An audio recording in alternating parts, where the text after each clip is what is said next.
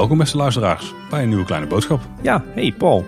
Hey Tim. Het is uh, eindelijk zover hè, vanavond. Ja, het, uh, hoe, hoe, noem je een blok aan het been wat eigenlijk niet zo heel vervelend is?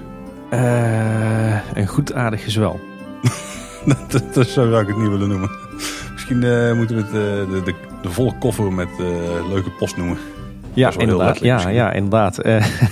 want eindelijk is het zover. We gaan weer eens een speciale aflevering maken over reacties van luisteraars. Ja, we hebben op heel veel afleveringen toevoegingen van jullie gekregen en jullie mening. we hebben ook een aantal vragen gekregen, dus die gaan we eens een keer flink behandelen. Ja, want we worden eigenlijk iedere week over, overladen en overdonderd door enorme hoeveelheden feedback. Ja, we komen er gewoon niet aan toe in de nieuwsaflevering om ze mee te nemen. Dus we pikken er af en toe eentje uit, maar dat zet geen, dat zet geen doden aan de zeik. Dus, uh...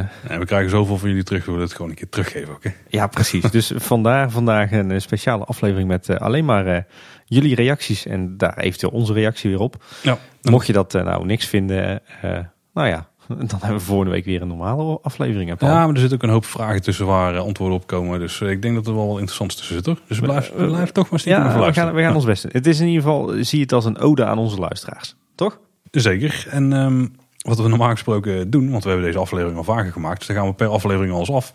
We krijgen ook een hoop opmerkingen die niet specifiek aan aflevering gekoppeld waren. Of ja. waarvan de aflevering al ver in het verleden lag, die we toch even willen aanhalen. Ja, precies. Uh, dus we hebben ook wat algemene reacties en vragen. Ja. Zo kwam bijvoorbeeld Steven Rijkhoff bij ons aan. Die was weer vooraf aan begonnen met luisteren. Aflevering 1. Ja. Ik heb het zelf gedaan, maar daar had ik toch moeite mee om daar doorheen te komen. Ja, inderdaad. Het was uh, een heel ander niveau dan waar we nu zitten. Ja, dat was redelijk opzichtig ingeknipt. En de geluidskwaliteit was ook een stuk minder. Uh, maar die schrijft, ik zit aflevering 1 terug te luisteren en hoor Tim over een gecombineerde attractie. Het zou inderdaad heel goed zijn als een volgende attractie niet eendimensionaal is. Je mist bij bijvoorbeeld symbolica echt die spanningen te ontdekken. Als je dit bijvoorbeeld vergelijkt met het Disney kasteel, waar onder het kasteel zo'n grot is met een draak. Dat ontdekken, dat is echt te gek. Ze hadden dit ook echt moeten doen aan de achterkant van Symbolica. Dat je middels een trap naar de kelder of grot kan lopen, waardoor een raam of iets dergelijks radar uh, iets zou kunnen zien doen. Meer teaming en onverwachte ontdekkingen. Dat vindt hij echt mooi. Nou, nou ja, daar kunnen we denk ik alleen maar mee eens zijn. Ja, zeker mee eens. Heel tof. Ja, ook wel een prima idee. En ik denk dat het misschien ook wel ooit in de plannen zat, maar het is gewoon gesneuveld budgetair technisch. Ja, inderdaad. Die, die achterkant van Symbolica zou er natuurlijk uh, heel anders kunnen uitzien. Hè? Met een mooie, mooie rotswand uh, en een mooie gaanderij die uh, met watervallen die in de, de vijver van de gondoletta stromen. Klinkt een beetje als Avalon. Nou, uh, laat ik me dan niet over uit. Maar, maar goed, uh, we hebben het daar al eens eerder over gehad. Hè. Het, het, had heel mooi kunnen zijn. Aan de andere kant, het had waarschijnlijk ook een paar miljoen extra gekost. En uh, dat is nu in de Dark Ride zelf gaan zitten. Dus laten we daar maar blij mee zijn. Nou, we kregen ook nog mail van Steven. En die had een enorm uitgebreid verhaal over hoe die de Efteling wel graag ja, een soort deels wel heringedeeld zou zien. Dat ging echt over het verplaatsen van attracties en dergelijke. Iets te lang denk ik om hier in de, in de aflevering voor te lezen. Maar maar die halen we wel een aantal zaken aan die misschien in de toekomst al wel gaan gebeuren. Of waar mogelijkheden zijn. Bijvoorbeeld uh, bij de oude Tuffer. Hij schrijft, maak de ingang bij het kinderspoor. Zodat het onderdeel wordt van Reizenrijk. Pas teaming en interactie toe. Baan mag veel uitdagender en meer van deze tijd. Maar behoudt wel het thema de speaks. Ik heb er ook wel eens over naast te denken. Zou best wel kunnen. Want je hebt dan naast het horecapuntje. Ja. Heb je best wel uh, in, tussen het bos en opening waar je een pleintje zou kunnen maken. En dan zou je daar de aansluiting van de attractie kunnen doen. In het voorplein wat dan nu voor de oude Tuffers ligt. Daar zou je dan nog een uh, extra opvulattractie kunnen neerzetten. Om Ruigrijk een beetje bij elkaar te doen. Dan krijg je een stukje kinderspoor en oude tuffers. Ja. Is een optie hè? Ja, zou kunnen thematisch. Ik, ik zie wel wat in een doorsteek daar inderdaad. Voor mij hoeft niet per se de ingang worden, worden verlegd hoor. Ja, een doorsteek zou moeilijk kunnen, want dan kom je gewoon op de baan uit en op het rangeerterreintje. Ja, dat is ook weer zo. Dus dat is, nou, de, dat is lastig. Maar we weten, als we, dus we gaan de grove aanpassingen doen, dus zou best kunnen. En een van de dingen waarvan wij ook verwachten dat die gaat eh, verdwijnen is natuurlijk Pannendroom. En daar schrijft hij over zo snel mogelijk slopen. ik hoor nu gejuichen door mijn oortjes van alle luisteraars. Uh, gebruik het gebied van Pannendroom en de Bob om een groot, uitgebreid, veelomvattend gebied te creëren in één thema. Nou, dat gaat dan niet helemaal gebeuren. Ja. Nou, hij schrijft bijvoorbeeld over het volk van Laaf nog. Het wordt tijd om dit gebied uit te breiden en op te pimpen. Er is aan beide zijkanten ruimte genoeg om dit te vergroten. Er mogen een stuk meer animatronics bij. En daarnaast mag de monorail of verdwijnen of flink worden aangepast met meer go-throughs, animatronics, effecten, etc. Ik zou de bestaande shows niet aanpassen zo. Dat is classic Efteling. Nou, op zich ik volg van Laaf, eh, daar hebben we volgens mij ook al vaak over gehad. Hè. Daar zouden ze echt wel, uh, wel meer aandacht aan mogen besteden. Een, een nieuw huisje of misschien twee met iets uh, zou ik wel zien zitten. En wat uitbreidingen richting dienstencentrum zou ook best kunnen. Ja, klopt. Ik zie nog steeds wel wat in, in bijvoorbeeld een, een, een dark ride of een, ja, eigenlijk een, mini dark ride of een mini droptorentje rond het verhaal van ja, de tocht die de laven ooit hebben afgelegd. Ja, en Steven had nog veel meer ideeën, maar daar hebben we helaas nu... Uh, daar kunnen we denk een hele aflevering zelfs mee vullen. dus wie weet gaan we het ooit nog doen. Uh, maar voor nu eventjes verder. We hadden een aantal vragen ook gekregen. Riri die vroeg gelijk een vraag aan jullie kenners. Waarom wordt er niks gedaan met het grasveld naast de Python? Dit is toch de ideale plek voor een nieuwe attractie of doptoren? Ja, ik denk Riri eerlijk gezegd dat dat, dat dat grasveldje gewoon echt te klein is. Je zit daar natuurlijk heel dicht op de Python. Het, het is uh, eigenlijk helemaal niet zo groot. Uh, je bent ook omsloten door, door de Horst en de Eftelingse straat. Dus ik denk eerlijk gezegd dat daar niet zoveel mogelijk is. Zeker ook niet met, met geluidsoverlast vanuit de Python. Um, en tegelijkertijd is het natuurlijk ook een mooie groene buffer. Hè? Dus in die zin denk ik dat er, dat er daarom niks mee is gedaan. Het is natuurlijk ook lang ingezet eh, als, als veld voor bijvoorbeeld Kinderwinter Wonderland en voor andere festiviteiten. En ik denk zeker nu, uh, nu we weten dat er dus een, een uitbreiding in oostelijke richting komt, richting Strookrijk. Ja, dat dit stukje dus daarbij getrokken wordt en als we dan iets gaan doen. Ja, precies. Je zit er natuurlijk wel met sporen, dat maakt het misschien moeilijk. Dus dat is ook wel de vraag wat ze daar een beetje gaan doen, denk ik. Nee, maar inderdaad, het is een klein stukje. Het ligt nu omsloten. Als je er echt iets wilt doen, uh, iets interessants, dan heb je iets meer ruimte nodig. En die kruis dadelijk ook, dus wie weet wat we daar gaan doen. Ja, inderdaad. Dan kregen we een mail van Wout. Uh, die schrijft: Ik zat vanmiddag na te denken over het bestemmingsplan. Op dat moment vooral even over de nieuwe verblijfsaccommodaties en in welke vorm ze zouden komen. Toen dacht ik: wat nou als Efteling een gethematiseerd hotel gaat realiseren in het Eftelingpark, à la Fantasieland? Eerst zat ik te denken aan uh, zuidelijk strookrijk, bijvoorbeeld aan station de Oostvast of zo. Maar ik zat later ook na te denken over de toekomst van Pannendroom en het gebouw. Toen dacht ik dat het ook wel een mooie locatie voor een hotel midden in het park zou zijn. Hoewel niet heel realistisch, want het is onhandig en je zou veel beter een lokvloem naar ontwerp van Paul kunnen bouwen. Zeker. Ja. maar wat vinden jullie van een hotel in Strookrijk? Oeh, een hotel in Strookrijk. Nou, nou ja, die kans dat die er gaat komen, die is er wel hè? Ja, die is vrij, die, die is vrij groot, durven we denk ik wel te zeggen. Want uh, in, in een aantal stukken komen we een fase 3 Strookrijk tegen. Uh, wat een hotel blijkt te zijn om de plek van uh, de voormalige directiewoning. Zeg maar naast uh, Philippe Does. Het is wel een interessante plek. Ja, die zit wel dicht bij de andere verblijfsaccommodaties trouwens. Maar als hij, maar als hij zijn eigen ingang krijgt, dan is het op zich wel een optie. Ja, inderdaad. En ik denk eerlijk gezegd ook dat de Efteling uh, voortaan wel gethematiseerde hotels gaat bouwen. Die liefst ook een directe aansluiting hebben tot uh, op het park. En je, gaat, je ziet ook dat het, uh, het Efteling Hotel nu bij de realisatie van de eerste fase van Strookrijk veel meer in het park geïntegreerd gaat worden. Uh, althans, die, dat vermoeden hebben wij. Uh -huh. Ja, er wordt ook gesproken over de mogelijkheid om dat Ravelijn ooit nog eens een hotel zou gaan worden. Ja. Dus ik denk eerlijk gezegd dat dit ook zeker de richting is die de Efteling op wil. Ook geïnspireerd natuurlijk door Fantasieland, maar ook Disneyland. Um, want ja, dan missen ze er nog één in het zuidwesten. Dan hebben ze op iedere hoek van het park een hotel staan. Nou ja, er, is, er, is wel, er zijn wel plannen geweest ooit. En ik weet niet of die nog actueel zijn voor een, een hotel tegenover het theater. Als daar een uitreik zou verschijnen. Dan zou je boven, die, boven de, het entertainment zeg maar, ook best wel kamers kunnen hebben of appartementen. Ja, dat lijkt me zeer zeker ja. een, heel, een hele slimme optie, ja. Dus wat vinden we ervan? Nou, wij vinden dat een uh, goed idee. Ja, en ik denk eerlijk gezegd ook dat dat gaat gebeuren hoor. Dat is zeker een ja, richting precies. Efteling op gaat. Daar heb het wel mee met dat ik het een goed idee vind. Ja. Um, het dienstencentrum, schrijft Ivo, is een enorme lap grond waar maar weinig mee gedaan wordt. Of in ieder geval die slecht is ingedeeld. Zeker nu de personeelsparkeerplaats is verhuisd naar het hoofdparkeerterrein. Ja, dat is dan niet helemaal waar we dat zo niet waar, nee. op induiken. Ook als je kijkt naar de aankoop van de Rabobank zou je denken dat de Efteling ook de laatste kantoren die er nog staan op het dienstencentrum wil verhuizen naar de Rabobank en het vrijgekomen gebied opnieuw wil inrichten. Weet jullie misschien wat de plannen zijn om hiermee te doen? Nou ja, sowieso is inderdaad, uh, er is een vergroting geweest van het uh, personeelsparkeerterrein ja, bij de hoofdentree, zeg maar. Dus ja. bij Ravelijn. Uh, er leek heel even op dat, dat, de reden, dat, dat het parkeerterrein aan de oostzijde dus weg zou gaan op het dienstencentrum, maar dat is helemaal niet het geval. Nee, uh, want uh, die, dat parkeerterrein bij Ravelijn is echt puur voor kantoormedewerkers, dus voor mensen die op Ravelijn werken, maar dus niet voor mensen die gewoon in het park werken. Nee, ik begreep dat er wel een tijdje wat bouwmateriaal heeft uitgestald gestaan op het parkeerterrein bij het dienstencentrum, dus daar was toen minder capaciteit, maar dat terrein is nu weer gewoon parkeerterrein. En ik begrijp dat het nu nog regelmatig vol staat. Al zijn er ook wel een paar rijen afgezet met linten. Voor. Ik weet niet precies wat, waarom dat is. Nou ja, even los daarvan. Kijk, de, er gaan inderdaad al heel lang verhalen dat het, het oude kantoorpand, het stuurhuis heet ja. het geloof ik nog, dat dat uh, redelijk overbodig is geworden nu Ravelijn er is. En, en zeker ook het, het Rabobankkantoor. Ja, die kun je zien als je dus langs de dubbele laan loopt. Ja. Of die staat eigenlijk naast de dubbele laan. Hè? Dus, dus er gaan verhalen dat die inderdaad over een tijdje gesloopt zou uh, gaan worden. En dat je dat wellicht bij het park kunt, uh, kunt trekken. Maar voor de rest, ja, dat terrein daarachter, daar staan zoveel vitale functies. Daar, daar is je, je gildehuis, je, je meldkamer van de, beveiliging. Uh, je centrale magazijn, de milieudienst zit daar. De, het, het personeelsparkeerterrein, eh, de hele bevoorrading gaat via dat terrein. Dus ik verwacht niet dat het dienstencentrum daar gaat verdwijnen. Ondanks dat er wel eh, vaak over wordt, eh, wordt gespeculeerd door liefhebbers. Nou, het hele dienstcentrum hoeft misschien, eh, of dat gaat niet verdwijnen denk ik. Maar Nee. er zijn wel mogelijkheden daarvoor nieuwe attracties. Stuurhuis is inderdaad genoemd door Fons zelf. Tijdens een vragenuurtje met de vijf zintuigen. Ja, zou me ook niks verbazen hoor, als dat, als dat ooit nog gebeurt. Nee, je hebt daar ook een overkapping voor voertuigen volgens mij. Een beetje met, die, zit, die zit daar in dat verloren hoekje bij het Antropiekplein. Ja, Eh, klopt. Daar staan de, de hoogwerkers en de tractors van eh, de Milieudienst en de andere technische diensten. Nou, als ze die ergens anders zouden kunnen plaatsen, dan krijg je wel in één keer een flinke lopgrond voor die dark ride die ja, misschien precies. Ja, maar ja, waar zet je dan al die voertuigen weer neer?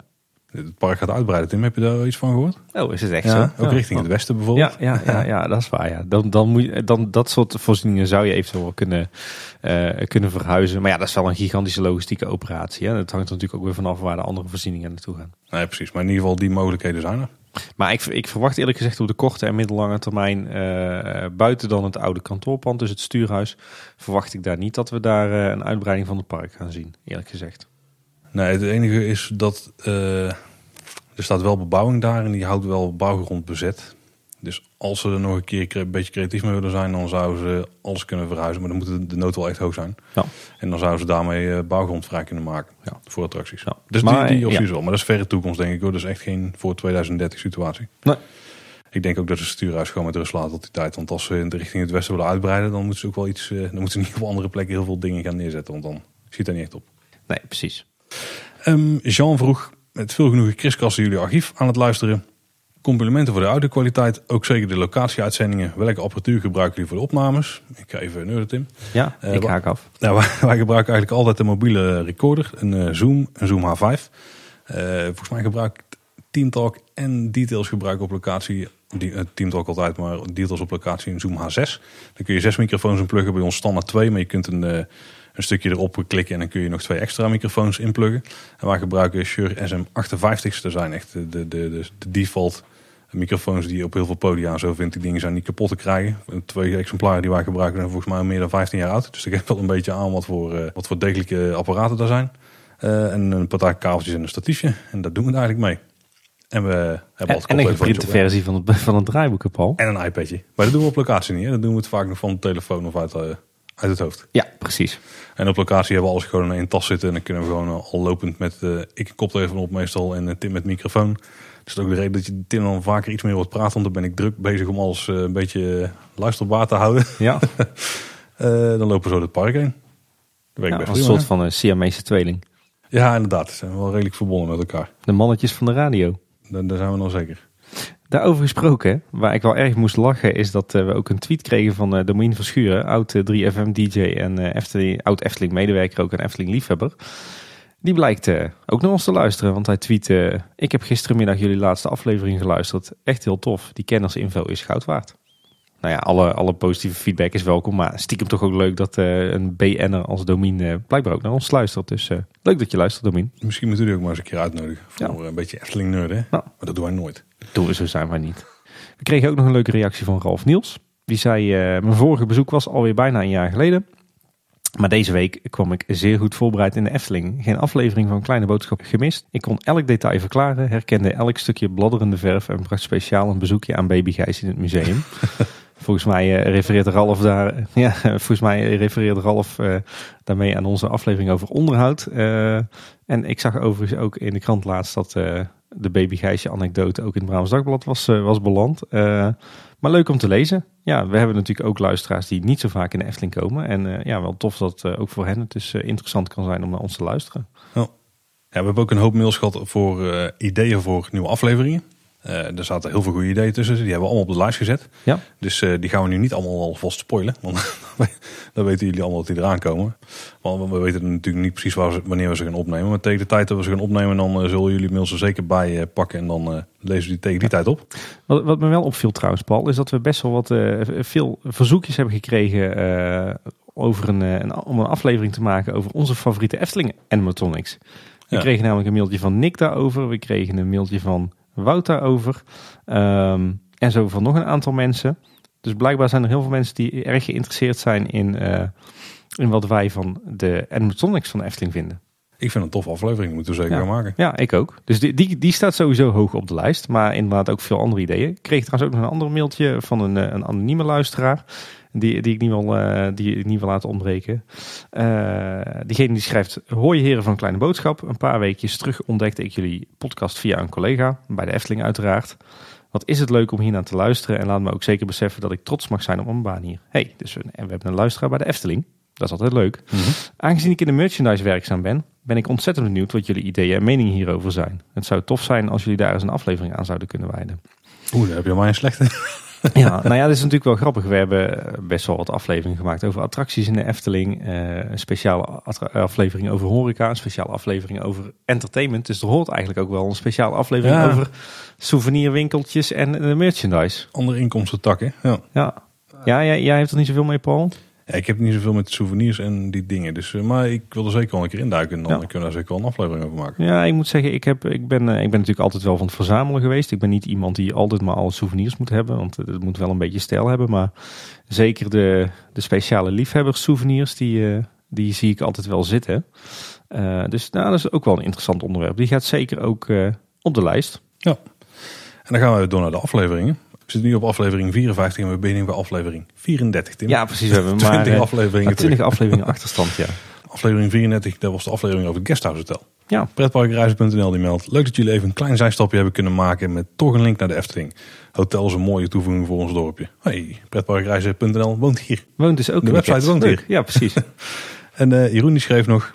Een mooi inkijk in wat er in de omgeving van de Efteling allemaal gebeurt. Wat mij betreft mogen jullie meer van dit soort afleveringen maken. Nou, dus Ga, gaan we zeker doen. En hebben we volgens mij sindsdien ook al gedaan. Ik hoorde wel, ik, een aantal van onze luisteraars en ook eh, vrienden en bekenden van mij, die zijn eh, toch eens een hapje gaan eten bij de Guesthouse Hotel. Naar aanleiding van onze eh, enthousiaste berichten.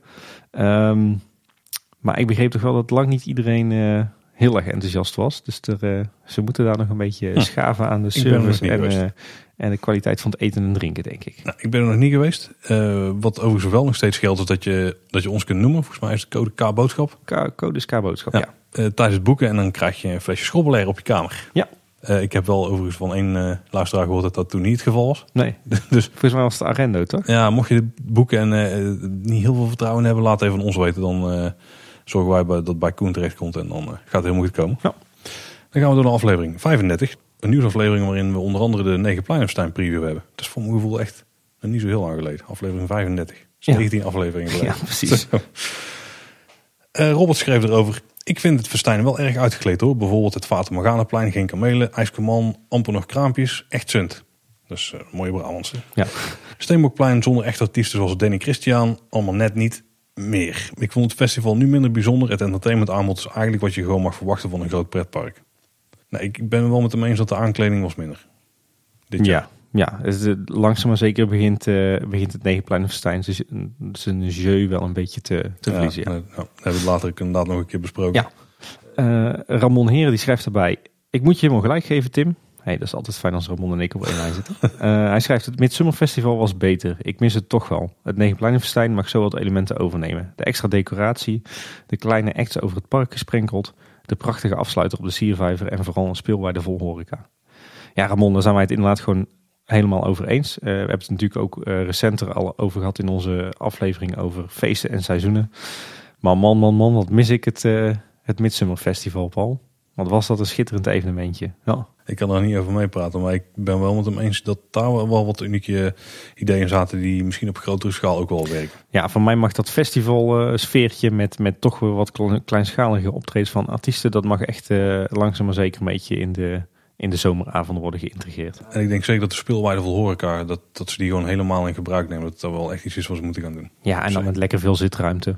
Ja, ja want dat mist er gewoon nu echt. Nou, wat, wat entertainment erbij. eh, misschien inderdaad is een, eh, een podiumpje met, eh, met wat optredens. Ik zie er wel zitten. Ja, ik denk één helft gewoon eten en dan het podium aan de andere kant en een barretje ertussen. Ja, ja, echt volgens de Negenpleinenfestijn. Of een, een nee, Ja, echt volgens het Festival. midzomer Ja. Ja. We hadden die aflevering ook gehad over eh stem in de Efteling. En dat Basje en Adriaan mogelijk wel geschikt zouden zijn voor de circusattractie. Dat was een beetje grappend. ja, dat was volgens mij ook een suggestie van een luisteraar toen. Hè? Ah ja, klopt. Ja, ja. En Ramon die schreef er ook over. Ehm, over Basje en Adriaan als stem in de Efteling. Adriaan heeft niet het beste stemgeluid meer voor die klus. Die man heeft ook zware kanker aan zijn speekselklieren gehad. Dat is niet zo heel erg fijn. Nee. Ehm, Maar een stem die wel ontbreekt in het park is wat mij betreft Joost Prinsen. Perfect als spreekstalmeester voor 2020. Zo, dat is eh, inderdaad een karakteristieke stem, ja. Ja, ik heb er dus over naast te denken, want eh, waar, waar kennen we Joost Prinsen eigenlijk allemaal van? Eh, met het mes op tafel, klokhuis. Ja, klokhuis. Uit het, eh, de, de, de weekendbijlage van eh Maar het is een beetje... de persgroep. eh, ja, ik, ik ja. kan hem niet nadenken. Maar ik, ik, ik heb nog eens even een interviewtje recent zitten Mhm. luisteren met hem. Ik weet niet of hij echt nog zo, er zo in zit hoor. Qua ook stemgeluid ook. En ik zie hem ook niet echt serieus ja, spreekstalmeester. Ik- hmm, wel een beetje een krakende stem, hè? ja, Ja. een beetje... Het was wel een goede stem voor kniezorg. wel. maar een beetje zeurig iemand, dan is dat wel prima denk ik. Ja. Maar ja, er zijn opties. Er zijn overigens genoeg opties nog denk ik. Eh Nicky die schrijft nog: Ik denk dat je het Negenpleinenfestijn niet moet doen voor de attracties, maar vooral voor de sfeer. Dat heb ik altijd met de Winter Efteling en met de Auto Nieuw. Ik ben in ieder geval erg benieuwd en ga gewoon alle pleinen af. Het is dat ik wat verder weg woon, Amsterdam, en geen rijbewijs heb. Anders was ik er een stuk vaker gegaan. Ja, ik denk dat dit precies de manier is waarop wij het heel vaak eh. Nee, ja, inderdaad, Nicky, daar kunnen we het alleen maar eh, volmondig mee eens zijn. Ja, het is inderdaad een beetje rondstruinen. En als je iets interessants tegenkomt, blijf je hangen. Ja, Ik moet zeggen dat het schema, dat komt normaal precies verkeerd uit. Ik kom altijd langs het plein en ik denk eens even kijken. En dan, oh, is dan moet ik nog een half uur wachten. Dus dan lopen we wel weer verder. Nee, voor mij is het ook altijd op, op Negenpleinenfestijn. En, ze- en ook in de Winter Efteling inderdaad altijd de combi van, eh, van eh, ergens even wat entertainment kijken, een hapje eten, wat drinken, eh, kletsen met, eh, met bekenden, rondje Sprookjesbos. Toch eens even een keertje een attractie meepikken. Dus nee, Nicky, zoals jij het doet, zo, doen, zo doe ik het ook. En jij volgens mij ook, Paul. En daarmee doe je het goed, denk ik. Ja. Eh, Dick die schreef, eh, de- want een van de punten die we aanhalen was de, de wachttijden van Symbolica. Dat die eh, misschien wat ruimer waren dan, eh, dan dat ze voor je gevoel zouden moeten zijn. Jullie punt over de wachttijden merk ik de laatste tijd ook. Bij Symbolica stond vorige week zaterdag 40 minuten, terwijl we onderaan de trap moesten wachten. En dan is het echt nog maar 10 minuten als het tegen zit. Ja. Bij de Vliegende Holland stond 40 minuten, terwijl we maar 20 minuten hebben hoeven wachten. Ja, dat is opvallend. Eh dat sluit op zich ook wel aan bij de volgende vraag van Dennis. Gebruikt de Efteling de wachttijden in de app ook net als Disney om de drukte in het park te spreiden? Ik denk dat ze dat niet doen. Nee, dat denk ik niet. Ik denk eh, dat het meer gewoon de inschatting is van de medewerker achter de knoppen. Ja, en ik denk dat ze het ook vaak wel, dat als de wachttijden weer terugzakken, dat ze hem wel iets langer wat hoog laten staan. Gewoon om zeker te zijn dat het niet tegenvalt. Nee, precies. Want, want dat is natuurlijk wel het dingetje. Als je, Ik, ik denk dat ze inderdaad hoger inschatten dan eh, bewust wat hoger inschatten dan wat er werkelijk staat. ja, maar dat is in de meeste gevallen 5 tot 10 minuten maar, Ja, denk ik. ja. En wat ik wel bij Symbolica merkte, ook bijvoorbeeld vandaag, is dan ga je erin. Eh wij stonden toen echt helemaal waar de laatste volgens mij die binnenkwamen. En dan loopt dus heel die eh meute loopt naar binnen. En dan sta je dus wel gewoon bovenaan de trap te wachten. Ja. En dan duurt het nog wel een minuut of tien voordat je, nou een minuut of vijf tot ja, jawel. nou, misschien wel tien voordat je inderdaad in een fantasiewaarde zit. ja, en, dat en dan we- klopt de wachttijd wel redelijk. Ja, ja, want laatst hebben we, die, hebben, die, hebben we dat ook opgehelderd. Hè? Dankzij een luisteraar die zo, va- zo vriendelijk was geweest om dat te vragen aan het personeel. Van joh, die bij Symbolica wordt echt gewoon gerekend met de wachttijd vanaf het moment dat je de wachtrij inloopt tot het moment dat je echt in je fantasievader stapt. Eh, dus niet tot het moment eh, dat de voorshow begint. Dus ook wat het hele traject wat daarna nog volgt in dat trappenhuis en in het instapstation, dat wordt meegerekend met de wachttijd. Ja, en ik denk als je het hebt over het spreiden van de, ja, van de mensen in het park, dat, dat je ze misschien juist wel richting symbolica wil hebben. De wachtrij is best prima. Eh, best wel wat te doen, dus de capaciteit is redelijk. Dus Nee, het nee, ik denk- wil iedereen hoge capaciteit attracties hebben natuurlijk. Ja, ik denk niet dat de Efteling echt daadwerkelijk tweakt aan, eh, aan de wachttijden van attracties om bezoekers te spreiden. Sowieso ook omdat volgens mij de aansturing van het wachttijdensysteem gebeurt echt gewoon lokaal bij de attracties. Dus het, zijn, het is de operator van de attractie die, eh, die op zijn eh, computerschermpje of op een, een tabletje aan moet geven hoeveel wachtrij dat er staat. Dus daar wordt echt niet in gestuurd. Dan aflevering 36, een special over de opening van de Vrolijke Noot. Ja. Maar de milde dictator die schrijft... Het grootste probleem dat ik heb bij de Laplace-uitbreiding is niet het aanbod dat ze hebben, want dat is prima.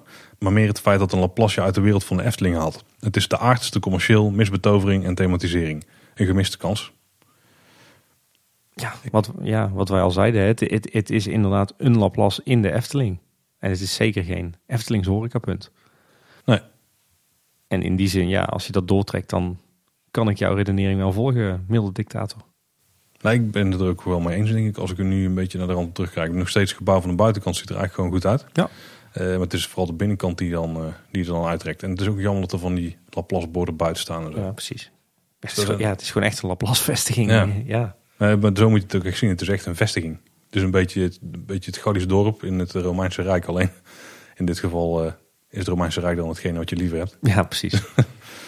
Eh, we hadden er ook een vraag bij. Tijdens het luisteren van aflevering 36 is mij opgevallen dat er het kapje begint met aftellen vanaf getal 7. Dit is volgens mij ook zo bij Aquanura. Weet jullie waarom dit is? Ja, het getal 7 is natuurlijk het getal van het sprookje. Hè? Denk aan de zeven geitjes, Dat de het zeven dat Efteling dwergen. eraan heeft toch?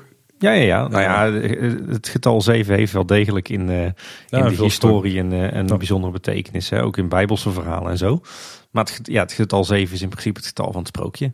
Volgens mij heeft de Efteling het vooral zo gebombardeerd. Of niet? Ja, toch? Nou, weet ik eigenlijk niet. Maar dat is in ieder geval de reden dat ze aftellen vanaf 7. Ja. 7 eh, komt veel voor in sprookjes inderdaad. Dus ja, dan zijn we net wel anders dan anderen. Ja, precies. En tot vanaf 10 aftellen is ook net iets te veel in het goede misschien. Dus dan is 7 een mooi tussenstapje. Ja. Aflevering 37. Daar waren de tips over een warme dag in de Efteling. Hoe, hoe sta je door, Tim? En het is ook nog flink nodig geweest ook naar die aflevering. Ja, precies. Nog steeds. Hè? Het, is, het is half oktober en het is steeds warm. ja, zeker. Ja, het is weer warm. Het is Ja. wel even wat fris geweest. Ja, precies. Lekker, hè? Eén weekend heeft het eh, flink geregend. Ja. ja, en dan was het fris, dus dat was goed. Muggen weg. Heerlijk. Nu zijn we weer terug. Ja, precies. Beesten. Eh, iemand schreef, en ik heb zijn naam nu niet helaas bij de hand. eh, ze zouden het Kleuterhof moeten ombouwen tot een waterspeeltuin. Ik moet dan denken aan Europa Park, waar in het Spaans themagebied ook in is, vlakbij de hotels. Ja, en missen we die in de Efteling? Want we hebben nu op zich de watertafel. Dus dat is die tafel met die, met die fonteintjes voor Poolse keuken eigenlijk. Nou, nou ja, ik denk, ik denk voor, de, voor de zomer en zeker met, eh, met steeds warmere en drogere zomers op komst, denk ik dat de Efteling wel meer moet doen met water. eh, ja. Dus ik zie eh, meer waterspeeltuinen wel zitten. Eh, op zich eh, zou ze inderdaad wel ergens kunnen toevoegen, maar ik denk dat het Kleuterhof niet het eeuwig leven is. eh, Beschoren. Nee. Ja. Ik denk namelijk dat dat wel zou kunnen gaan verdwijnen als ze de uh, reisrijk-uitbreiding gaan doen. Ja, dat denk ik ook. En dan zou het op zich best kunnen, want dan blijft er waarschijnlijk wel iets van over. Of, of ergens in die hoek dat ze daar iets met een waterspeeltuin gaan doen. Er komen kleine attracties. Een waterspeeltuin is ook een attractie. Ja, zeker. Zou kunnen. Dus misschien dat in die hoek moeten gaan zoeken. Hm. Dan kregen we een mail van eh, Ramon Poels. Een hele lange mail, dus we hebben hem ietsjes ingekort. Eh, en Ramon die schrijft... eh, we waren afgelopen vrijdag naar de Efteling gegaan. En dat was, jawel, de dag met 37 graden. Hoppa. Van tevoren hebben we kort even gedubt of we zouden moeten gaan. Maar mijn argument was ook... Orlando is de meest toeristische trekpleister van de wereld. En daar is het ook altijd dit soort eh, weer. De kinderen, 9 en 11, hadden zich hier ook op ingesteld. Dus zijn we toch naar Kaatsheuvel getrokken. Wat betreft Carnaval Festival heb ik toch een andere ervaring. Uit de jaren dat ik nog een abonnement had en vaak in het park kwam, kan ik me inderdaad herinneren dat het meer op, op het vage vuur leeg dan op een dark ride. Wat een bak over was dat. Vrijdag echter was het bijzonder aangenaam. Nu was het pas rond een uur of twaalf, dus misschien was dat de reden dat, eh, van de koelte. Maar het viel mij op dat het al lang niet zo heet was als ik had verwacht. Het was wel echt aangenaam. Ja, daar hebben we het later ook over gehad. Hè? Dat, eh, dat was een beetje de, aan, eh, de aanstichter dat ik ben gaan checken. En dat er inderdaad iets van een coole brief langs kwam. Ja, maar nou in, bleef- de, in de opstaphal lijken ze toch een vorm van airconditioning eh, te hebben Ja, vooral voor de geïnstalleerd. Ja, Ja. voor de medewerkers inderdaad. Eh, Ramon die vervolgt, wat betreft de tuttige koeltasjes. Wij hadden een trolley met een koelcompartimentje met elementen erin. We hadden tot een uur of drie heerlijk koud water en drinken. Verder her en der wat bijgevuld bij de door jullie genoemde waterpunten. Waarbij gezegd moet worden dat het water bij Fata Morgana het koudst is. Heerlijk. Hey, we weer wat geleerd. Verder hoop ik wel dat de Efteling inzoet aan de wachtrij van Baron 1898. Veruit de meest oncomfortabele wachtrij van allemaal. Je schurkt wat langs een bloedheet stenen gebouw waar enorm veel warmte door wordt uitgestraald. Personeel maakt iedereen nat met tuinslangen en dat was echt wel nodig. Een doekspannen dat gemakkelijk weg te halen is, kan er veel soelaas bidden. Hm. Ja. Eh, een laatste tip, ga op het heetst van de dag naar het Sprookjesbos. Dan loop je al snel anderhalf uur heerlijk in de schaduwkoelte van de bomen. Nou, daar kunnen wij het alleen maar mee eens Ja. zijn, denk ik. Bladerdekken. Eh, verder nog een groot compliment voor de Efteling. Personeel liep rond met planten, spuiten, waterpistolen en tuinslangen en deed er alles aan om de bezoekers te verkoelen. Het was een vrolijke boel. Een warme dag in de Efteling, ik kan het iedereen aanbevelen. Veel minder druk op een vrijdagzomeravond dan verwacht. Genoeg schaduw door de bomen, genoeg waterpunten en personeel dat hier goed op anticipeert. Heel veel groeten van Ramon. En hij voegt daaraan toe, nee, niet die, ik ben een andere. Ja, super tof mailtje Ja. Ramon. En, eh, en mooi om jouw ervaringen met een, eh, een eh, hele warme dag in de Efteling te horen. Ja, en over die warme dagen. Robert 046 die schrijft... Heb ik nu het avonturendolf gemist? Want daar is natuurlijk ook wat waterstraling in waar je redelijk nat kunt Ja. worden. Die heb je inderdaad gemist, Robert. En je hebt groot gelijk dat je daarover Ja. klaagt. Want die hadden we wel moeten toevoegen. Ja, daar zijn we niet iedere dag te vinden natuurlijk. Het is een beetje, uit het oog Ja. verloren. Overigens, dat- deze afdeling deed wel wat eh, stof opwaaien. Want eh Mees Jansen die klaagde dat hij al, al lang niet meer naar de Efteling was geweest. Omdat zijn ouders het maar veel te heet vonden. En Bram de Jong die zei van... joh, laat ze maar eens naar Kleine Boodschap luisteren. Dan veranderen ze wel van mening. En eh, Pieter Leeboy van eh, Zero G Reviews, die had zelfs een videootje gemaakt van, van zichzelf. Dat hij onder de ganzenhoedster hing eh, om de straal op te vangen. En die kregen we toegestuurd. Dus dat was tof. Helemaal goed. Toen hadden we weer een nieuwsaflevering. Ja. Aflevering 38. Ja. Eh, en we kregen weer een mailtje van de milde dictator. Wederom over de vrolijke noot. Hij schrijft, eh, het is nu al pijnlijk duidelijk dat de vrolijke noot niet voldoet. Het is gewoon niet de juiste keuze voor die locatie. Natuurlijk zal dit om drie uur 's middags prima zijn. Maar niet voor de ochtenddrukte laat staan om de avonddrukte op te vangen. Jammere keuze. Ah ja, want het was een aanleiding van het verhaal dat ik daar eh, een half uur op staan wachten. Maar ook mensen daar meer dan een uur in de rij staan wachten. Ik weet trouwens niet, weet jij hoe dat verder met die capaciteit is gegaan eh, de, de laatste tijd? Ik heb niet echt hele lange rijen meer gezien voor de vrolijke noot. En volgens mij gaat het iets beter. maar ook omdat mensen zelf gewoon wel doorhebben van ik ga echt niet achteraan staan als ik iets achteraan van het assortiment moet hebben, zeg maar. Ja, Want nu blijft iedereen op elkaar wachten. Dat doen ze gewoon niet meer. En het personeel is ook wel iets eh, meer ingewerkt volgens mij. oké. En ze bereiden het gewoon beter voor. Ik heb er nog wel een keer een hamburger op en te lagen gewoon een stuk of acht klaar die nog maar één minuutje op de plaat Oh. hoefde, zeg maar, voordat ze geserveerd konden worden. Ja, ik moet, eh, ik moet toegeven dat ik er eigenlijk zelden of nooit kom. Het, het voelt toch een beetje als eh, verraad als je dan in de Efteling bent. Hè? ik, ik besteed dan mijn euro's toch liever in, eh, aan de Efteling dan Nou, aan een externe. ik ben, er ook niet meer, ik ben er ook niet meer geweest nu we geen 20% korting meer krijgen als abonnementhouder. dus dat is toch wel een beetje die Hollander in me, denk ik. Nou, ik moet zeggen, ik ben dan wel de laatste twee keer koffie gaan drinken. Gewoon, maar dat was meer omdat het terras daar gewoon zo ja, best aardig is. En je kan ook makkelijk een podcastje opnemen, hebben we gemerkt. Ja, dat hebben we wel een paar keer gedaan daar. Eh, Mark die stuurde nog een mail. Heren, for your information. De grote bomen in de Efteling worden voor projecten geleverd op volwassen grootte. Deze bomen komen van Van den Berg Nursery, boomkwekerij uit Sint-Oederode. Dit bedrijf levert wereldwijd aan parken, zoals Zoo Antwerpen, eh Zoo Basel, denk ik. Ja. Eh, Disneyland Parijs, Fantasialand, maar ook al jaren is het de huisleverancier voor de Efteling. Kijk maar eens op hun website, daar staan ook de namen van de bomen die geleverd worden aan de Efteling de afgelopen jaren. Eh, daar hebben we bij hebben een linkje, kunnen we in de show notes plaatsen. Veel succes met de podcast, groetjes Mark.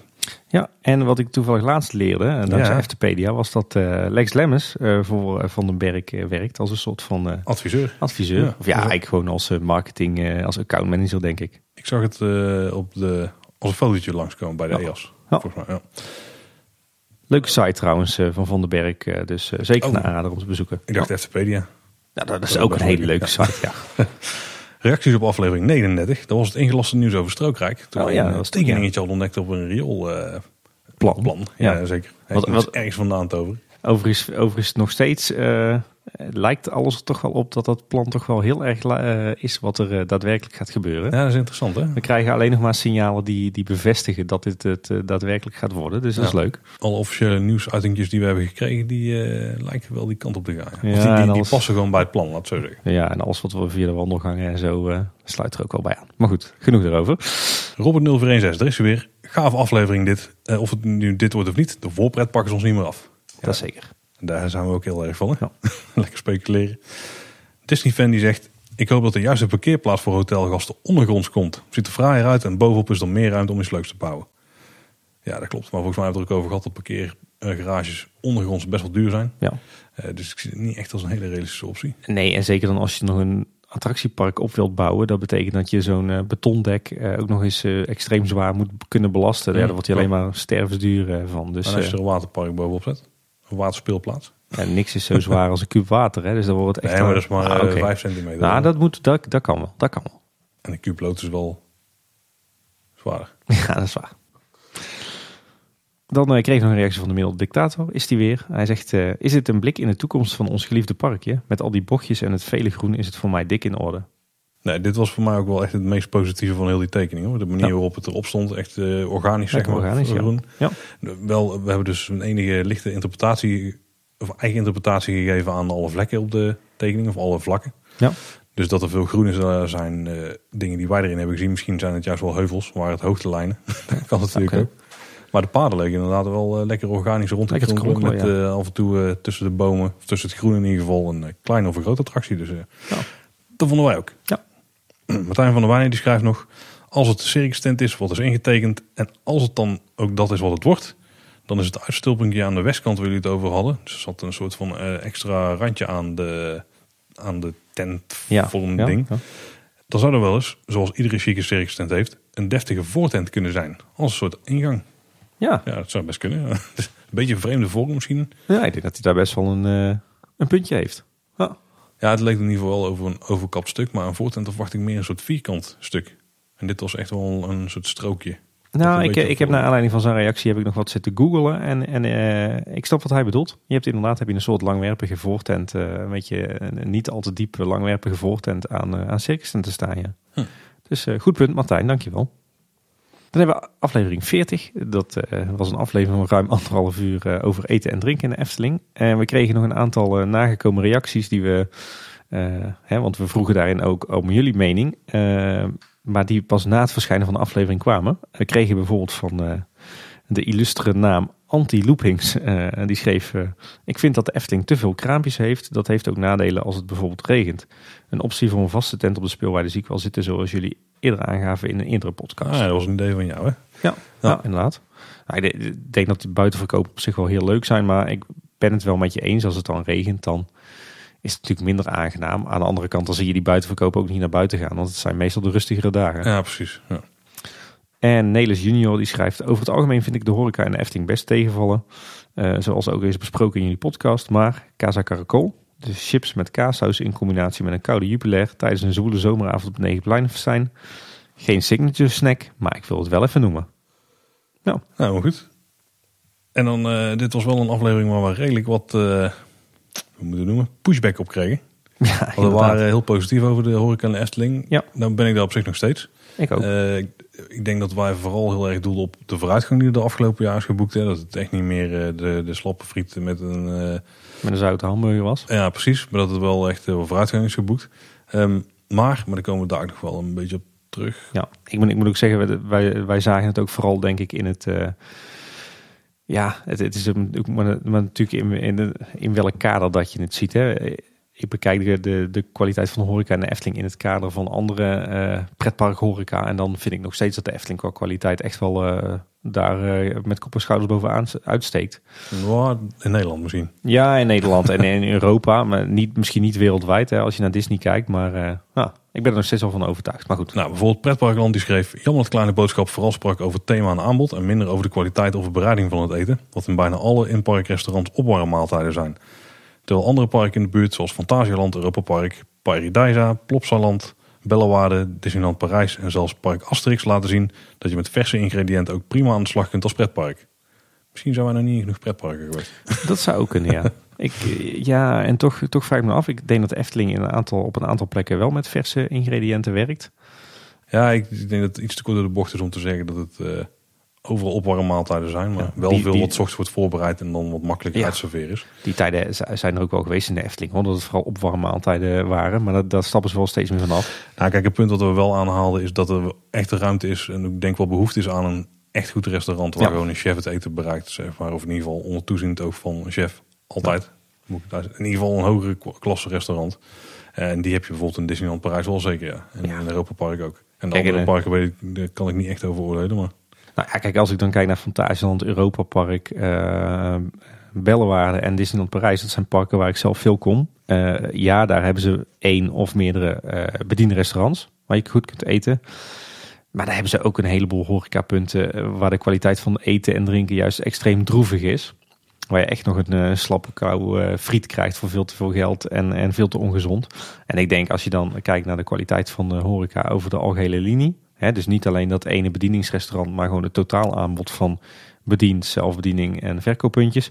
Denk ik dat de Efteling echt wel aan, aan een Fantasieland, een Europa Park en een Bellewaarde kan Ah, eh, op dat niveau zitten hoor. Nou, als je op die manier schetst, dan snap ik wat je bedoelt. Nou. Dus de, de range van kwaliteit is wat is kleiner bij de Efteling. En is iets meer omhoog geschoven ten opzichte van de rest. Maar Ja. de rest stijgt er op bepaalde punten wel bovenuit. Maar ook ver onderuit.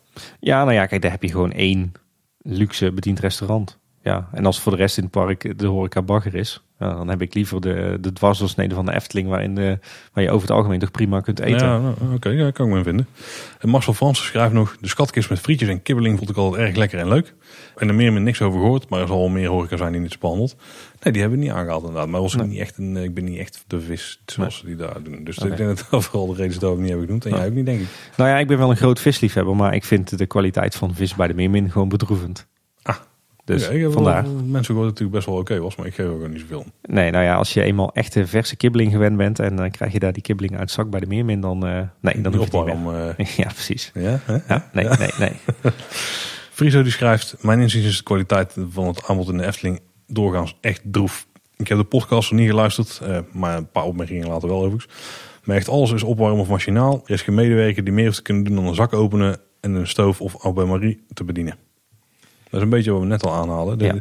Klopt voor een groot deel wel. hoor. Nou, de, de, de Efteling heeft toch aardig wat chef-koks in dienst, hoor. En, Ja, eh, maar die en doen- sous-chefs. En, eh, Maar er zijn niet degenen die aan het eind van jou, eh, die, die zeg maar ermee bezig zijn, vlak voordat je het opgediend krijgt. nee, oké. Ik denk dat die heel veel werk in de grote centrale keuken doen. Hebben die eigenlijk? klopt. Ja, ja, de Efteling Ja. heeft een centrale keuken. Die zit in het café-restaurant. Maar dat heel veel mensen die in de restaurant zelf werken, inderdaad niet superveel nog met het. Die doen vooral de borden opmaken, denk ik. Maar ik denk dat het groot wel klaar ligt. Ja, maar wat verwacht je in een pretpark? Nou, wat verwacht je van het type restaurant? Ja, Kijk, ja, als, je, als er dus een keer een grillrestaurant of zo komt, dan zal het wel anders zijn. Ja. Maar op dit moment eh, klopt het wel. Misschien Ravelijn of zo na. Ja. Ja, Of het wapen van Ravelijn. En Polskeuken natuurlijk. Polskeuken is goed, Wapen van Ravelijn is goed. Maar bijvoorbeeld in, eh, in, eh, Panorama. Hè? Panorama, in, maar ook in de Octopus wordt Ja. bijvoorbeeld ook met, met verse ingrediënten gekookt. Is geen hogere wiskunde misschien, maar Nee, dat klopt wel. Ja, Panorama, eh, dat vind ik dan wel een voorbeeld waarvan je het idee hebt van die hamburger ligt al heel lang in een, eh, in een gaarhoutbak. ja. En dat geldt over meer dingen. Nou ja, trouwens, nee, daar ben ik, ben ik eigenlijk niet mee eens, Paul. Want eh, ik eet best wel geregeld in Panorama. En over het algemeen word ik altijd heel snel en vriendelijk geholpen. En komt het eten ook heel snel. En dat is dan over het algemeen toch wel van goede kwaliteit hoor. Nee, daar ben ik ook met je eens. Alleen de hamburger specifiek, daar heb ik het dus wel gemerkt dat daar Oh, Oké, af en toe laagje vocht op zit, dat je dat niet helemaal verwacht. oké. Maar ik ga tegenwoordig dus voor de gyros. Hè? Ja, dat weet ik inmiddels, Ja. ja. Eh, en die smaakt altijd goed. Hè? Ik krijg honger, eh, Paul, van ja, eh, erg, hè? dit we, hebben nog een paar opmerkingen. Ja. Joost Blok schreef nog... Toch heeft de Efteling de afgelopen jaren wel degelijk stappen gezet. Ik heb laatst prima gegeten in het Wapen van Ravelijn. Ik zie het op termijn echt nog wel verder verbeteren. Wat luxere meer gangenmaaltijden betreft. Misschien is de vraag gewoon nog te klein. Ja, dat denk ik ook. Ja, ik denk dat die vraag wel steeds groter komt met meer buitenlandse gasten die ook Ja. langer blijven. Want dan wil je tussendoor gewoon wel iets anders ook hebben. En misschien moeten ze buiten het park ook gewoon eh, zeggen van in het hotel gaan bijvoorbeeld op een iets ander segment nog richten. Ja, ik denk inderdaad wel dat het steeds meer komt. Wat jij zegt met de internationale gasten en verblijfsgasten. Maar ik denk dat je die, die vraag ook niet moet overschatten hoor. Nou, maar toch mensen uit de buurt hebben die behoefte misschien ook wel. hoor. Maar ik denk dat het ook wel met openingstijden te maken heeft. Hè? Als ze straks langer open blijven, wat ze willen gaan doen, dan wordt die Ja, behoefte en, goed, we, hebben allebei ook wel gezegd dat we, al, dat we denken dat er behoefte is aan in ieder geval één luxe bediend restaurant. Eh, maar ik denk dat we die vraag daarna niet moeten overdrijven. Nee, maar inderdaad één restaurant een stapje of... Ja, ik weet niet hoe je stapje in dit geval kwantificeert. Maar Ja. of één tweede boven, ja, die zullen we wel... eh, die zie ik zelf wel zitten. Daar zou ik er echt wel regelmatig eh, heen gaan. Of in ieder geval eens per jaar of zo. Ja. Zo'n type restaurant mag het allemaal zijn. Eh, er volgde een flinke discussie aan de hand van eh, deze opmerking van onder andere dus eh Pretparkland Friso en Joost Bloks. Ehm, ja, waar ging die onder andere over? Ja, de kwaliteit van het voedsel dus. De noodzaak en de wenselijkheid van een of meerdere luxe restaurants. Waar we net al een beetje over hadden. In de Efteling en of Uitrijk mocht het komen. Ehm, maar ook een discussie over wat bijvoorbeeld Belgische gasten interessant vinden. Ja. Want in het Belgische pretpark wordt er dus blijkbaar meestal wel... in ieder geval is er één restaurant wat van hogere kwaliteit is. Ja, Eh, dus zouden die er dan meer van genieten dan Nederlanders? Is die cultuur daar anders? schijnbaar wel. Wat me wel opvalt bijvoorbeeld in eh, Bosrijk en het Loonse Land is dat, dat, eh, dat Belgische families sneller bijvoorbeeld een tijdje op het terras zullen gaan zitten en, en wat, wat biertjes en koffietjes drinken en een gebakje erbij. Meer dan dat Nederlandse gasten dat doen. Ik denk dat het ook wel in het Bourgondische zit. Maar schijnbaar is het ook voor de Belgen normaler om tijdens een dagje pretpark bij een goed restaurant te eten tussen de middag. Hm. Dus ja, wellicht zit daar een stukje doelgroep voor, voor zo'n luxe bediend restaurant. Zouden ze kunnen testen door tijdelijk iets op te trekken ergens? Ja, ja. ik heb ja. wat ideeën gezien langskomen van doe dit dan in, de, in het waterorgel. eh, in de waterorgel. Is een idee, is een idee. Daar zou je het kunnen testen. Ja. Eh, Robert 0416 is er weer. Dit is weer Robert 0461. Ja. Moet ik toch even checken hoe dat precies Ja. zit. Ik heb, eh, ik heb veel voedselallergieën en eten in de Efteling is altijd lastig voor me. Ik mis een plekje waar goede koks staan die creatieve oplossingen kunnen bedenken. Met vakantiekrachten overleggen of ze iets kunnen weg laten veranderen is kansloos. En dit heb ik wel meer teruggekregen. ja, jammer. Ja. Ja, nee, ik, dat snap ik. Ja. Dit is, eh, ik denk, in, en- ja, zeg maar de borden die worden opgemaakt, dan kan je vast wel iets regelen. Maar Ja. Helaas. Oké, hebben we weer een reactie van Friso Geerlings. Hij schrijft, ik luister nu toch maar eens de horeca-aflevering van podcast Kleine Boodschap, waarbij host Tim een soort ode aan station De Oost begint, ja. inclusief het gebouw. Wat ik echt een totaal faal gruwel van rampniveau vind qua architectuur, indeling, etc. Mooi, die fancontrasten. Maar het is natuurlijk evident dat dat gebouw lomp, zonder proportie, zonder fraai kleurschema, zonder sfeer en zonder fatsoenlijke akoestiek is. De laatste, daar heeft hij zeker gelijk in. Een loodscluster met stukwerk er tegenaan gekwakt. Liefdeloos ontworpen en smakeloos ingericht. Alleen de houtthematisering is oké. Nou, Friso, daar ben ik het totaal niet mee eens. Maar dat wist je al. Want ik denk dat station De Oost juist een ontzettend eh, mooi gebouw is. Wat bouwkundig goed in elkaar zit. Eh, en wat qua, eh, qua opbouw ook helemaal klopt met een station. Met een beetje koloniale, koloniale uitstraling of thema. Een beetje lomp, dus misschien wel. Ja, zo zijn stationsgebouwen toch? Ja, weet je, je moet geen, je moet, je moet, als je een station gaat bouwen waar je ook kunt eten, dan moet je niet eh, een of ander leuk truttig restaurantje verwachten. Dan krijg vind, je ook eh, een stationshal. Ik vind het binnenstuk vind ik wel oké hoor. Als in de, qua uitstraling, qua akoestiek is het wel verschrikkelijk. Ja, akoestiek is verschrikkelijk, maar dat is logisch met al die harde materialen. Daar kunnen ze misschien wel wat doen met banieren aan het, eh, aan het dak of zo. Maar ja, de- die tijd hebben ze inmiddels wel gehad. Ik denk dat we er niet zo heel snel kunnen verwachten. Nee, inderdaad. Tijd voor een puntje op de oog voor detaillijst. Ja. zet je maar op. Friso vervolgt. Het Witte Paard is wel net zo'n galmgat tegenwoordig. Het park moet echt eens iets doen aan al die harde materialisering in de restaurants. hij. Maar die soort niet helemaal verklaarbare waardering voor het Witte Paard kan ik dan wel wat meer begrijpen. Nee, ik niet. Snap ik echt niks van. Niet? Oh, Toch wel. Ja, we hebben gewoon allemaal een zwak voor het Witte Paard hoor. En terecht. Nee, ik niet. Nee? We toen ook Oh over ja, dat hebben we toen ook wel. Sorry, ja, het is al laat, Paul. Ja. Maar eh, nee, ja, ik heb wel inderdaad die, eh, die voorliefde voor het Witte Paard. Ik snap wel dat hij inderdaad eh, niet helemaal te verklaren is. Die waardering. Ja. Goed. Linda van Lees die schrijft... Het zal aan mijn eten wensen. Onder andere geen weinig vlees, geen groot fan van frituur. Liefst gezond en een voorliefde voor oosters eten liggen. Maar echt vrolijk word ik nog steeds niet van de horeca aanbod van de Efteling. Rauwe vis is een no-go van mij. Neemt niet weg dat sushi iets is waar wel veel markt voor is. Ik vind het vooral jammer dat de toko, zodra het wat rustiger wordt, dicht is. En er dan niet wat meer van zulke puntjes zijn met andere keukens. Mee vegetarische, veganistische opties zou dan ook niet verkeerd zijn. Pasta en pizza op zichtbare plaatsen ook. En bij het Witte Paard en Panorama kan ik qua prijs-kwaliteitsverhouding nog wel een slag gemaakt worden. Het is lang geleden dat ik er altijd, misschien is het wel beter nu. Maar Witte Paard en Panorama vind ik niet heel verkeerd qua prijs-kwaliteit. Nee, nee, maar ik moet wel zeggen dat nu eh, de Laplace er is. dat, dat alle prijzen in de Efteling in één keer eh, een stuk positiever eh, te boek staan, zeg maar. Want is- daar liggen de prijzen wel echt een stukje ja, hoger. Eh, Oké, ja. Nee, panorama Witte goeie Paard zitten volgens mij wel oké. Ja. En pasta en pizza, ja, je hebt ze inderdaad bij Octopus heb je pasta. En pizza kun je halen bij eh Baron 1898. Maar wel een beetje verstopt. Ja.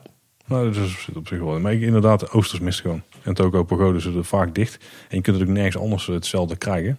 Als het dan bijvoorbeeld bij Panorama nog binnen zou kunnen. Dan heb je in ieder geval het aanbod nog. Nou, ik ben op zich al voor een eh, sushi-restaurant in de Efteling. Maar dan denk ik dat dat vooral in Uitrijk prima zou passen. Ja, dat denk ik ook wel. Ja, ja.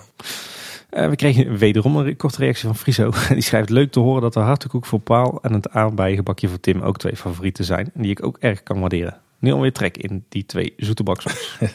Wij ook. Jonas van der Vloed die schrijft... De bovendieping van Octopus is inderdaad zelden open. De laatste keer dat ik op de bovendieping heb kunnen zitten... was op een oud en nieuw event. Hm. Nee, ik heb de dingen had ik nooit open gezien. Dus daar Oké, dat kan goed kloppen. ik, ik in vroegere jaren wel heel vaak. Nou. Dan kregen we nog een mail van Amstrik uit Amsterdam. Die schrijft, de Efteling is goed bezig met de toevoeging van meer thema in restaurants. Ik ben in het bijzonder fan van, het, eh, van een bijzonder kwartet klassieke kleine Efteling horeca. Hm. Kleine Klaroen, de Witte Walvis, de Carouselbar en In den Hoorn des Overvloeds. Deze horeca zijn op en top Eftelings, net als de omgeving waarin deze horeca zijn gesitueerd. De bar van de Carousel voldoet volgens mij aan de definitie voor een café. Hier een mooie selectie aan bieren en dranken en dat in een fantastische ambiance. Oh ja, in de Kleine Klaroen is een signature snack te koop die alleen maar daar te verkrijgen is. Weet jij waar die dan op doelt, Paul? Ik dacht dat hij misschien op het duivenvoer het doel Ja, ik ook. dat zal hem zijn. Nou ja, en verder, Amsterdam kan ik, ik het in ieder geval alleen maar hardgrondig met jou eens zijn. Want het, eigenlijk al jouw, eh, jouw favorieten, met uitzondering van de Witte Walvis, stonden ook op eh, mijn eh, lijst favorieten. De Witte Walvis heb ik dus wel die En warme die, herinneringen. ja, precies. Die heb jij dan weer, Paul. Dus eh, nee, leuk, herkenbaar. En tot slot eh, ze hebben nog een reactie van Sietske van Vught. Vriendin van mij, die schrijft... eh, aantal favorieten en verhalen zijn erg herkenbaar. Met name Pollen, Klaroen en Smulpaap. Al denk ik bij een broodje hamburger in de Efteling tegenwoordig... aan iets heel anders dan een vette hap. Zegt zij. En daar zit een verhaal achter, maar dat is een beetje privé. Dus laten we het even bij.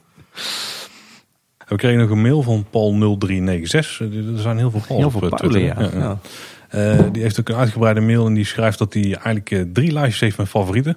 Eh, je hebt eh, zeg maar, de standaarddag, de Negenpleinensteindag en de winter Efteling. Mhm. En eh, iedere dag dan, eh, ja, dan heeft hij een soort ander, eh, Een andere gangen diner. Die pakt hij steeds op andere plekken.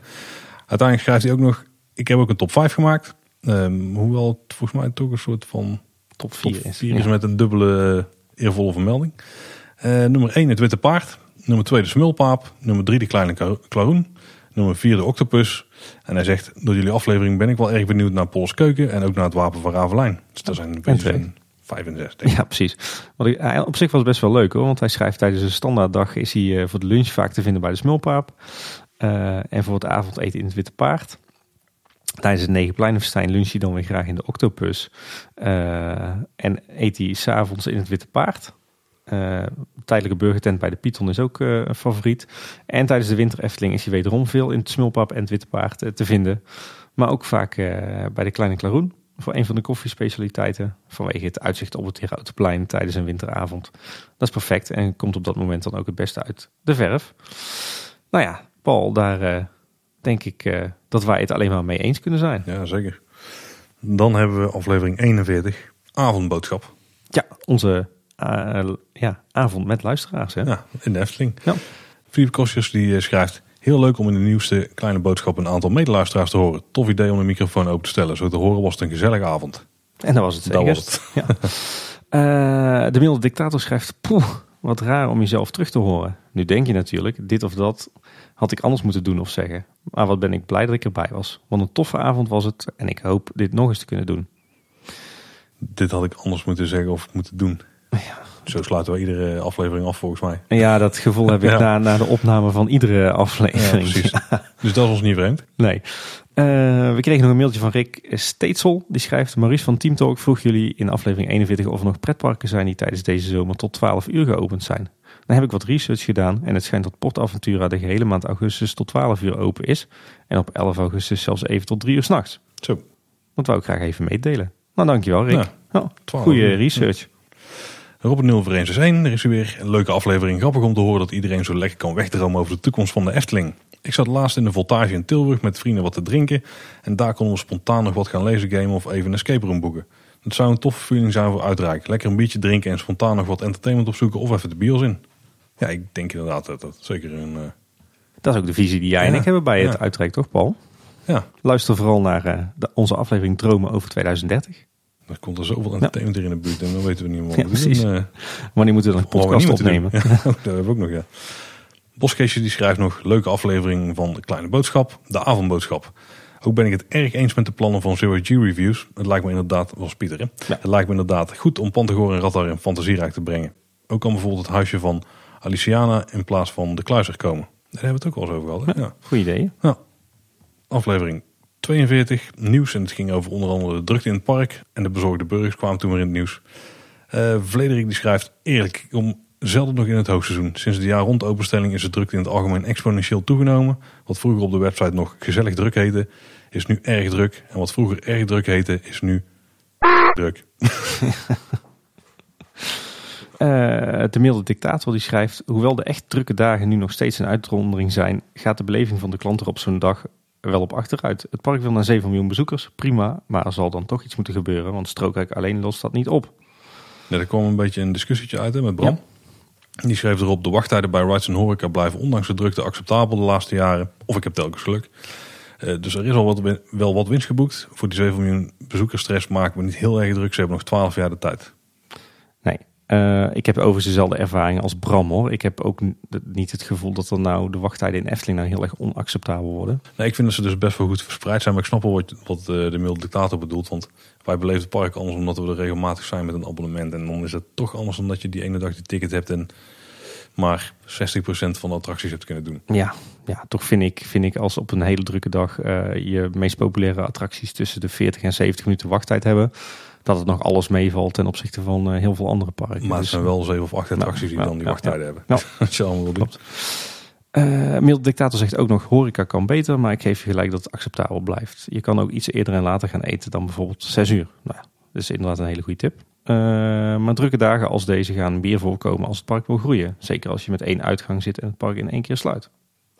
Bram die zegt erop, klopt, het zal net zo geleidelijk gebeuren als de komende uitbreidingen van het park. Het is niet zo dat die 7 miljoen opeens binnen een jaar gehaald gaan worden. Ik denk dat in elk geval in geen enkel geval erger gaat worden dan dit qua drukte. Het is overigens ook zo dat die 7 miljoen geen doel is. Hè? Dat is als, eh, als scenario gebruikt in het bestemmingsplan. Maar inmiddels weten we dus dat het absoluut geen doel op zich is. Nee, precies. En wat we, wat we in een eerdere aflevering al zeiden, de capaciteiten zijn zo echt aan het, uh, aan het werken. Ja. Zeker bij de attracties. Ik ben wel benieuwd wat ze met de horeca gaan doen. Want daar zijn nog wel wat stappen te behalen, bleek. Tenminste voor de piek, uh, piekmomenten, bleek Ja. afgelopen zomer. Ik denk dat we meer druk maken om de horeca en toiletcapaciteit op de piek uh, druk is dan de wachttijden. Ja, ja daar ben ik het met je eens. Uh, Philip Corsius, die schrijft... Uh, nou mannen, ik dacht even dat het een ezelvrije aflevering werd. Ja, dat is mooi hè. Ik, ik weet niet of het meerdere mensen was opgevallen. Maar er zat er nog eentje verstopt aan het einde. Ja, inderdaad. Slimme Tony schrijft... Tijdelijk wc-units in het park tijdens de piekdagen is geen slecht idee. Neem als voorbeeld de tijdelijke unit bij het Huis van de Vijf Zintuigen. Laat de prefab units mooi thematiseren of bestikkeren. En maak onopvallende aansluitpunten in het park. Ja, dat is lijkt me prima plan. Helemaal mee eens. Ja. En, Over, overigens zijn er al een paar van die aansluitpunten op de speelweide. Ja, klopt inderdaad. Dus ja, dan maak je daar toch gewoon gebruik van in de zomer. Ja, precies. Maar dan moet je het veld wel ruimer ja. uh, gebruiken. Uh, en Robert die schrijft nog... Ik was er zaterdag en ik stond me niet aan de drukte. Gewoon de dag anders indelen. Toiletten kunnen echt niet meer. Horecapaciteit is stukken beter, maar dat betekent niet dat het goed is. Ja. Nou, ook daar zijn we het weer mee eens. Zeker. Dan aflevering 44. Dat was een aflevering, Tim, dat we jou even moesten missen. Met ja. vanwege vakantie. Toen hebben we met Maurice onder andere gehad over infills. Uh, Jordi Rodriguez die stuurde als reactie op infill-attracties zo'n luchtballonmolen in Yoki-thema. Uh, zoals Plopsa de Pannen heeft. Daar lijkt me wel iets. En een walser in een mooi klassiek verlichtthema. Weet je wat het is? Nee. Oké, okay. dan komen er nog meer. Uh, en Icaros als trailride zoals in Gruna Lund. Die moet jij kennen dan, denk ik. Ja, krijg ik zo ook even niet helder, uh, moet ik zeggen. En een heel klein kinderachtbaantje, zo'n keverbaan, maar dan met XXL voor met grote capaciteit op meerdere treinen. Nou, heeft hij even geluk. Ja, precies. Want een soort van XXL-versie daarvan, die ja. krijg je natuurlijk met... Uh, Max und Moritz. Oeh, dat klinkt meer Duits dan hoe ik het deed in die ja. aflevering. En een heleboel kleine invulattracties tegelijk het park in plaatsen zou voor uh, capaciteit, spreiding en verhoging zorgen. Nou, er gaan wel wat dingen gebeuren op dat gebied. En Onkruid die schrijft, de beste invul voor de Efteling is volgens mij gewoon haar natuur. Molens en droptorens hier en daar in het park zie ik niet zo zitten. En bij de Efteling passen persoonlijk. Nou, daar ben ik het dan niet helemaal mee eens. Molens passen natuurlijk prima, want die hebben ze al een aantal staan. Mits goed gethematiseerd. En een droptower zien wij heel graag verschijnen in goed gethematiseerde ja, vorm. Absoluut. Maar dat de natuur een invul is, ja, daar kan ik wel iets bij voorstellen. Ik, ik, wat ik op zich ook wel graag zie verschijnen, nog eens wat meer van die bospaadjes uh, op plekken waar je misschien niet zou verwachten. Ja, daar ben ik wel met je eens. Ja. Daar zou ik wel een natuurgevoel meer versterken, denk ik. Ja. En meer groen? Ja, sowieso. En wat bomen, wat meer... Uh, meer bomen laten, erbij, ja. laten groeien. Meer bladerdek. Altijd meer bladerdek. en we hebben een hele lange en echt een hele toffe mailconversatie gehad met Marco. Die woont inmiddels in Zuid-Duitsland, in de buurt van Europa Park. Maar in de Mhm. buurt is anderhalf uur rijden. Uh, maar zijn hart ligt nog steeds bij de Efteling. Was vroeger ook echt uh, heel erg betrokken bij de, de liefhebberscommunity.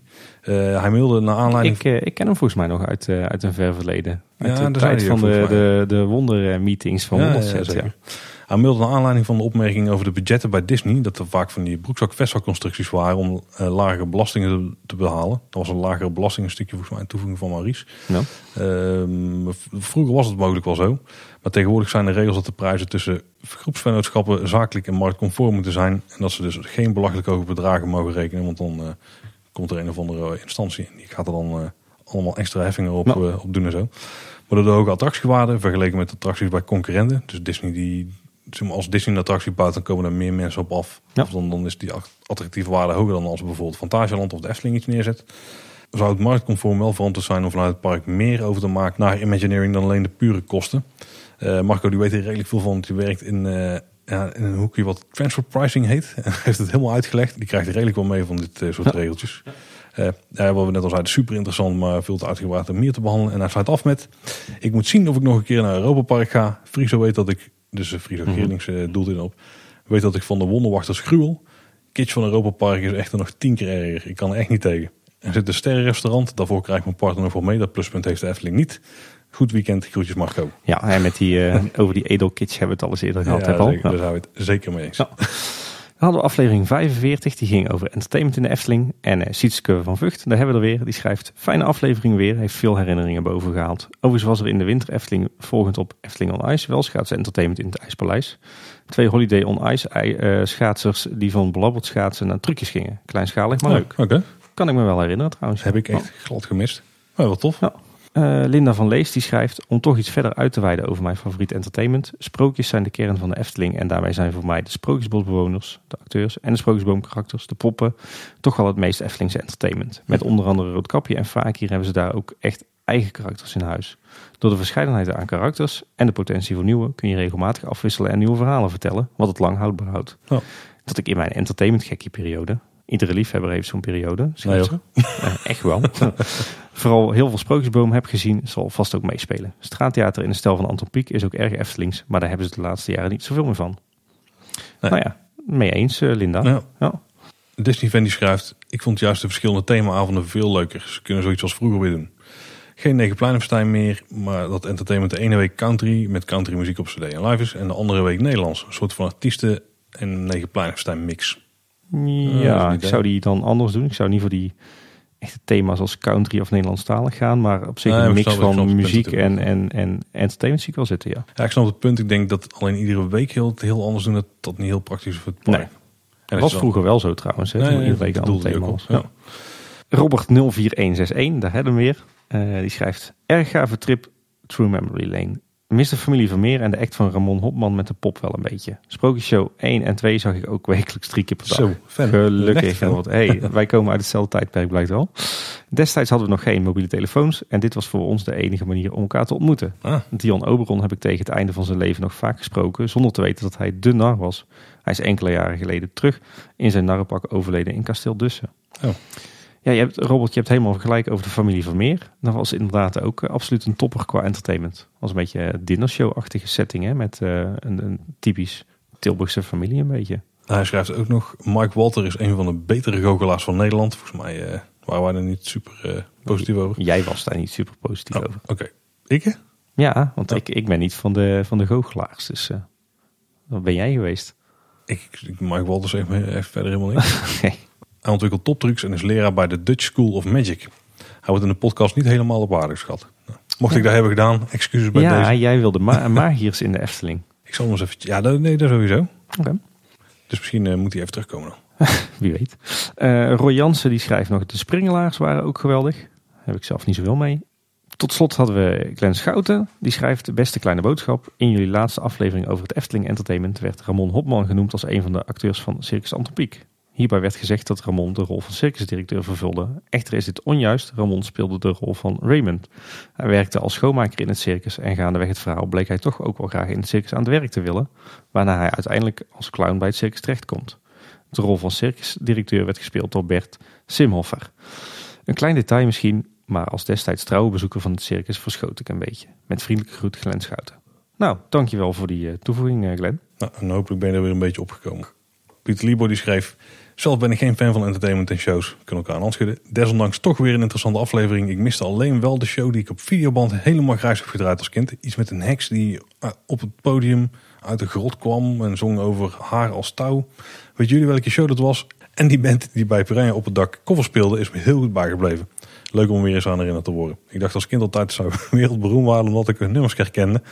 Was natuurlijk gewoon een coverband. Nou, en Pieter Leeboy, die show waar jij op doelt, die hebben we wel degelijk behandeld. Dat was namelijk mijn nummer één favoriet, want dat is de Efteling, eerste Efteling sprookjesshow uit eh, 96, 97. Maar die heeft hij inmiddels weer gevonden. Hè? Ja. En, eh, Wij hebben het hem dat ook eh, via Twitter gemeld destijds. En hij was eh, helemaal euforisch eh, toen hij de show op eh, YouTube terugvond. Dus eh, die hebben we een goede dag bezorgd.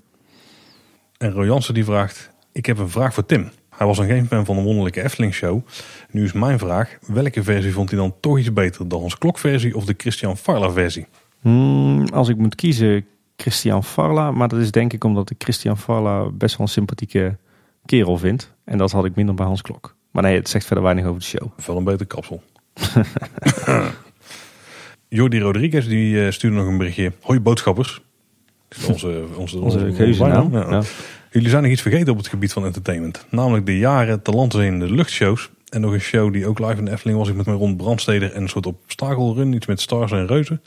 Eh, ook het jaar met echte straatentertainment op de zomeravonden. Met die kast en die Elvis en de slotmachine waren erg leuk. Groetjes Jordi. Ja, de zijn in de lucht. Dat weet jij niet Tim. Als we bij ons thuis aan het opnemen zijn. Ja. En je kijkt dan naar boven. En je zou daar een eh, paar van die gipsplaten wegtikken. Dan kijk je gewoon tegen de platen aan van de schans van te land zijn in de lucht. Want die ligt- dat is de vloer van onze bovenverdieping. Cool. Die eh, is een keer eh, afgebrand. Ja.